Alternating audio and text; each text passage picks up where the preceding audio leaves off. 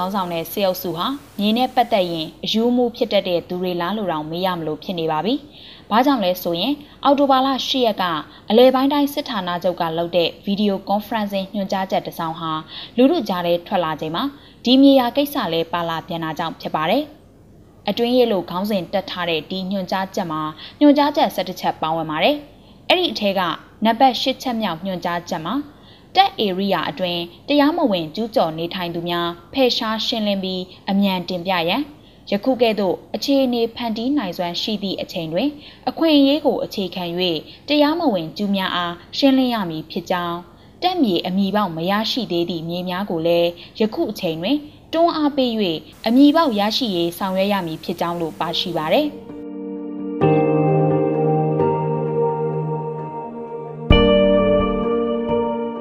က်ပိုင်မြေမကျူးကျော်ရဆိုတဲ့ဆိုင်းဘုတ်ဟာနိုင်ငံနေရာအနှံ့အပြားမှာတွေ့နေရတဲ့ဆိုင်းဘုတ်ဖြစ်ပါတယ်။တနိုင်ငံလုံးကမြေနေရာတော်တော်များများကိုစစ်တပ်ကသူတို့ပိုင်မြေဆိုပြီးခြံဝန်းခတ်ဆိုင်းဘုတ်ထောင်ပြီးတင်ပိုက်ခဲ့တာအခုမှမဟုတ်ပါဘူး။အမျိုးသားဒီမိုကရေစီအဖွဲ့ချုပ် NLD ပါတီအစိုးရမဖြစ်ခင်အချိန်အထိလို့ဆိုရမှာပါ။ဘာကြောင့်လဲဆိုရင် NLD အစိုးရလက်ထက်မှာဒီကိစ္စတွေကိုအထူးရေးထားကင်တွယ်ခဲ့တာကြောင့်ဖြစ်ပါတယ်။အဲ့ဒီမတိုင်မီကာလတွေကတက်ပိုင်မြေဆိုတဲ့ကိစ္စနဲ့မြမပြည်သူပြည်သားအများစုဟာတော်တော်လေးဒုက္ခရောက်ခဲ့ရပါတယ်။စစ်တပ်ဟာလုံခြုံရေးအကြောင်းပြချက်စီးပွားရေးအကြောင်းပြချက်တွေနဲ့ဓမ္မဥချလောက်ကင်နေတဲ့တောင်သူတွေရဲ့လေယာမြေတွေဘိုးဘပိုင်မြေတွေကို မတရားသောနှီးပေါင်းစုံနဲ့တင်ယူခဲ့ကြပါတယ်။ မခံမရက်နိုင်တဲ့နိုင်ငံသားတွေက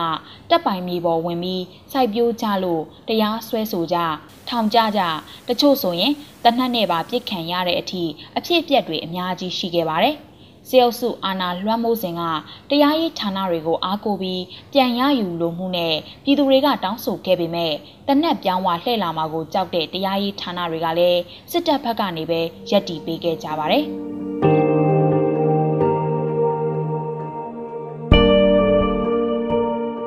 စီးပွားရေးလုပ်ငန်းလှုပ်ဆောင်မယ်ဆိုရင်မြေယာဟာအဓိကကျတဲ့အခန်းကဏ္ဍမှာပါဝင်ပါတယ်။နိုင်ငံမှာစိုက်ပျိုးရေးလုပ်မလား၊ဝန်ဆောင်မှုလုပ်မလား၊ကုန်ထုတ်လုပ်ရေးလုပ်ငန်းလုပ်မလားဒီအားလုံးမှာအဓိကလိုအပ်တာဟာမြေယာပဲဖြစ်ပါတယ်။ဝန်ဆောင်မှုလုပ်မယ်ဆိုရင်တော့မြေယာလိုအပ်ချက်ဟာအတိုင်းအတာတစ်ခုထိရှိနေသေးဖြစ်ပါတယ်။စီးပွားရေးလုပ်ငန်းတွေအတွက်မြေယာလိုအပ်ချက်ကြီးမားမှုဟာအာဏာနဲ့လက်နက်နဲ့မြေသိမ်းနိုင်စွမ်းရှိတဲ့စေအုပ်စုအတွက်ဝင်ငွေရှာရလမ်းကြောင်းတစ်ခုဖြစ်ခဲ့ပါတယ်။ အခုထိလည်းဖြစ်နေသေးဆိုတာအားလုံးအသိပဲဖြစ်ပါတယ်။စေအုပ်စုဟာရန်ကုန်မန္တလေးမြို့ကြီးတွေသာမကတခြားဒေသအစုံမှာသိမ်းယူထားတဲ့မြေယာပမာဏဟာသိန်းနဲ့တန်းနဲ့ချီရှိပါတယ်။ဒီလိုသိမ်းယူထားတဲ့မြေဟာလက်နက်ပြချင်းချောက်ပြီးစာချုပ်စာတမ်းနဲ့သိမ်းယူထားတာရှိသလိုအာဏာနဲ့တရားမဝင်သိမ်းယူထားတဲ့မြေတွေလည်းအများကြီးရှိပါတယ်။မြေလိုအပ်တဲ့စီးပွားရေးလုပ်ငန်းရှင်တွေကိုတစ်ဖက်လက်နဲ့ဒီမြေတွေကို ငှားရမ်းရောင်းချပြီးငွေဖော်တာဟာစေအုပ်စုရဲ့လုံနီးလုံဟန်တစ်ခုဖြစ်ပါတယ်။တောင်သူတွေကိုတီးစားကချ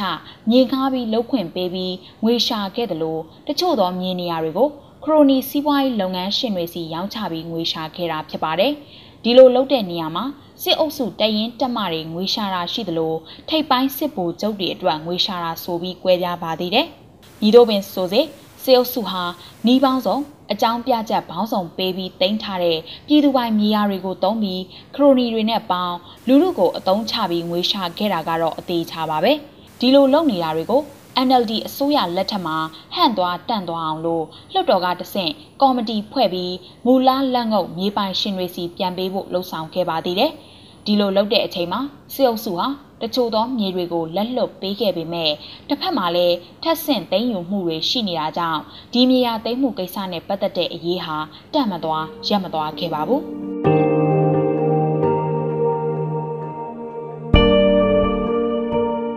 အလဲပိုင်းတိုင်းစစ်ဌာနချုပ်ဘက်ကထွက်လာတဲ့ညွှန်ကြားချက်မှာပါတဲ့တက်မြေကိစ္စမှာ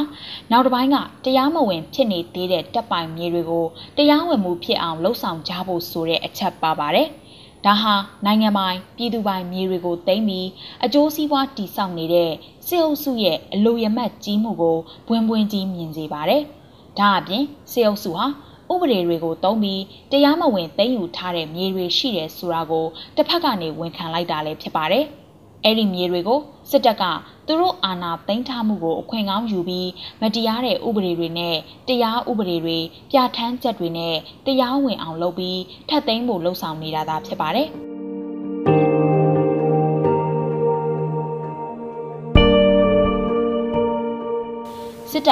နိုင်ငံပိုင်ပြည်သူပိုင်မြေယာကိုတစ်ဖက်ကနေနှီးပေါင်းစုံနဲ့တင်းယူဖို့ကြံစည်နေတယ်လို့တစ်ဖက်မှာလည်းစစ်အုပ်စုကိုဆန့်ကျင်နေတဲ့ပြည်သူ့ကာကွယ်ရေးတပ်ဖွဲ့ PDF တွေနဲ့ပတ်သက်တဲ့စိုးရိမ်ချက်တွေကိုလည်းဒီညွှန်ကြားချက်ကဖော်ပြနေပါတယ်။ညွှန်ကြားချက်နံပါတ်၈မှာပဲတက်စည်းရုံးရေးနယ်မြေအတွင်း PDF အခြေခံနယ်မြေမတီစောင့်နိုင်ရန်လက်ဦးမှု၄ရက်ဖြစ်သောသတင်းလက်ဦးမှု ပြင်ဆင်မှုလက်ဦးမှုခြေမုံရေးလက်ဦးမှုစစ်ကူပစ်ကူလက်ဦးမှုများကိုအတုံးချဆောင်ရွက်ပြီးနယ်မြေပုတ်ပြတ်တာဝန်ယူဆောင်ရွက်သွားရန်ဖြစ်ကြောင်းလို့ပါရှိပါတယ်။လာပါခလို့အတူကခေါ်တဲ့အလဲပိုင်းတိုင်းစစ်ဌာနချုပ်ဟာမန္တလေးနန်းတွင်းမှာတည်ရှိတာဖြစ်ပြီးမန္တလေးမကွေးတိုင်းနဲ့အဲ့ဒီဒေသတွေနဲ့ထိစပ်တဲ့ဒေသတွေရဲ့ကာကွယ်ရေးလုံခြုံရေးစစ်စင်ရေးကိစ္စတွေကိုအဓိကတာဝန်ယူရတာပဲဖြစ်ပါတယ်။ လက်ရှိလပခတိုင်းမူဗိုလ်ချုပ်ကိုကိုဦးဟာ2020ပြည့်နှစ်ကဗိုလ်မှူးချုပ်ရာထူးနဲ့တိုင်းမူဖြစ်လာသူဖြစ်ပြီးအသက်ငယ်ဆုံးစစ်တိုင်းမူလည်းဖြစ်ပါတယ်။ဗိုလ်ချုပ်ကိုကိုဦးဟာသူတာဝန်ယူထားတဲ့နယ်မြေတွေထဲမှာ PDF တပ်ဖွဲ့တွေခြေကုပ်ယူအခြေခံနယ်မြေတိစောက်မှာကိုအထူးစိုးရိမ်နေပုံရပါတယ်။အဲ့ဒီစိုးရိမ်ချက်ကြောင့်ပဲသူ့လက်အောက်ခံတရင်တပ်ဖွဲ့တွေကိုဒီညွှန်ကြားချက်ပေးထားတာဖြစ်ပါတယ်။ ပြောက်တံဖောက်တံခက်စိတ်စိတ်ထွက်တဲ့ PDF တွေရဲ့လက်တံကလဘကထိန်းချုပ်ရာဒေသကိုချင်းချောက်နေပြီဆိုတာစေအုပ်စုဘက်ကစိုးရိမ်နေပြီဆိုတာပေါ်လွင်ပါတယ်။လက်နက်နဲ့ဝုံနိုင်ကျဲတော်လန်နေတဲ့ PDF တွေဟာစေအုပ်စုအတွက်အစိုးရရဆုံးသောတော်လန်ရေးအင်အားစုဆိုတာဒီညွှန်ကြားချက်ကတက်တည်ပြနေတာဖြစ်ပါတယ်။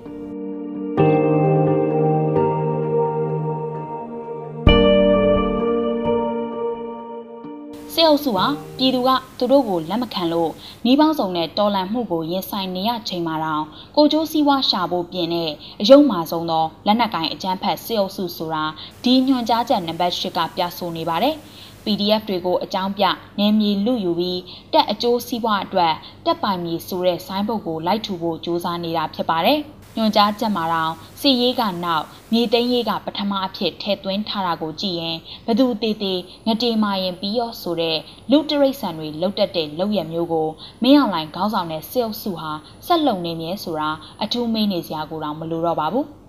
မင်းအောင်လိုင်စစ်အုပ်စုဟာအလိုရမက်တွေကြောင့်နိုင်ငံအုပ်ချုပ်ရေးအာဏာကိုတနက်ထောက်သိမ်းထားသလိုကိုကျိုးစည်းပွားအတွက်မြေတွေလည်းသိမ်းပါလေအောင်မယ်။သိမ်းလဲသိမ်းနေပြီဖြစ်ပါတယ်။ ရှေးရှေးကလှုပ်ခဲ့တဲ့လုံခြုံရေးအကြောင်းပြမြေသိမ်းတဲ့လမ်းစဉ်ကိုဆက်ရှောင်နေတာပဲဖြစ်ပါတယ်။ဒီလိုမျိုးနှီးပေါင်းစုံတဲ့နိုင်ငံပိုင်မြေပြည်သူပိုင်မြေတွေကိုတရားလက်မဲ့သိမ်းယူမှုကိုရပ်တန့်ရေးဟာတခုတည်းသာရှိပါတယ်။အဲ့ဒါကနိုင်ငံမှာအမြင့်တွယ်နေတဲ့စစ်အာဏာရှင်စနစ်စစ်အာဏာရန်ရာကြီးအပီးတိုင်ပြတ်သုံးရေးတာဖြစ်ပါတယ်။စစ်တပ်ဟာပြည်သူလက်အောက်ရောက်ပြီးပြည်သူခိုင်းတဲ့အတိုင်းလိုက်လုပ်ရတဲ့ Federal ပြည်ထောင်စုတည်ထောင်ရေးတာလျင်ဖြစ်ပါတယ်။ အဲ့ဒီအတွက်လဲဒီကနေ့ຫນွေဦးတော်လန်ရေးကြီးဆိုတာပြည်သူဥဆောင်မှုနဲ့ဖြစ်တည်နေတာပဲဖြစ်ပါတယ်။ဒီတော်လန်ရေးဟာနိုင်ငံတခွင်ကတက်ပိုင်မြေဆိုတဲ့ဆိုင်းဘုတ်တွေကိုစစ်အာဏာရန်ရာကြီးနဲ့အတူရိုက်ချိုးဖျက်ဆီးပစ်ဖို့ဖြစ်တည်လာတာဖြစ်ပါတယ်။စစ်အာဏာရန်ရာကြီးမပြတ်စည်းသေး၍ကိုယ့်အိမ်ကိုယ့်ယာကိုယ့်မြေပေါ်မှာစစ်အုပ်စုဟာတက်ပိုင်မြေဆိုတဲ့ဆိုင်းဘုတ်လာဆိုင်သွားနိုင်တယ်ဆိုတဲ့အန္တရာယ်ဟာလက်တကမ်းမှာသာရှိနေပါပြီ။ဒါကြောင့် ຫນွေဦးတော်လန်ရေးကြီးလူမှုတော်လန်ရေးကြီးအောင်မြင်ပြီးစစ်အာဏာရန်ရာအပီးတိုင်ပြတ်သုံးရေးဟာလူမှုရဲ့နေ့စဉ်ဘဝတွေအတွက်အထူးအရေးကြီးတယ်ဆိုတာကိုသတိမပြတ်ကြဖို့တိုက်တွန်းလိုက်ရပါတယ်။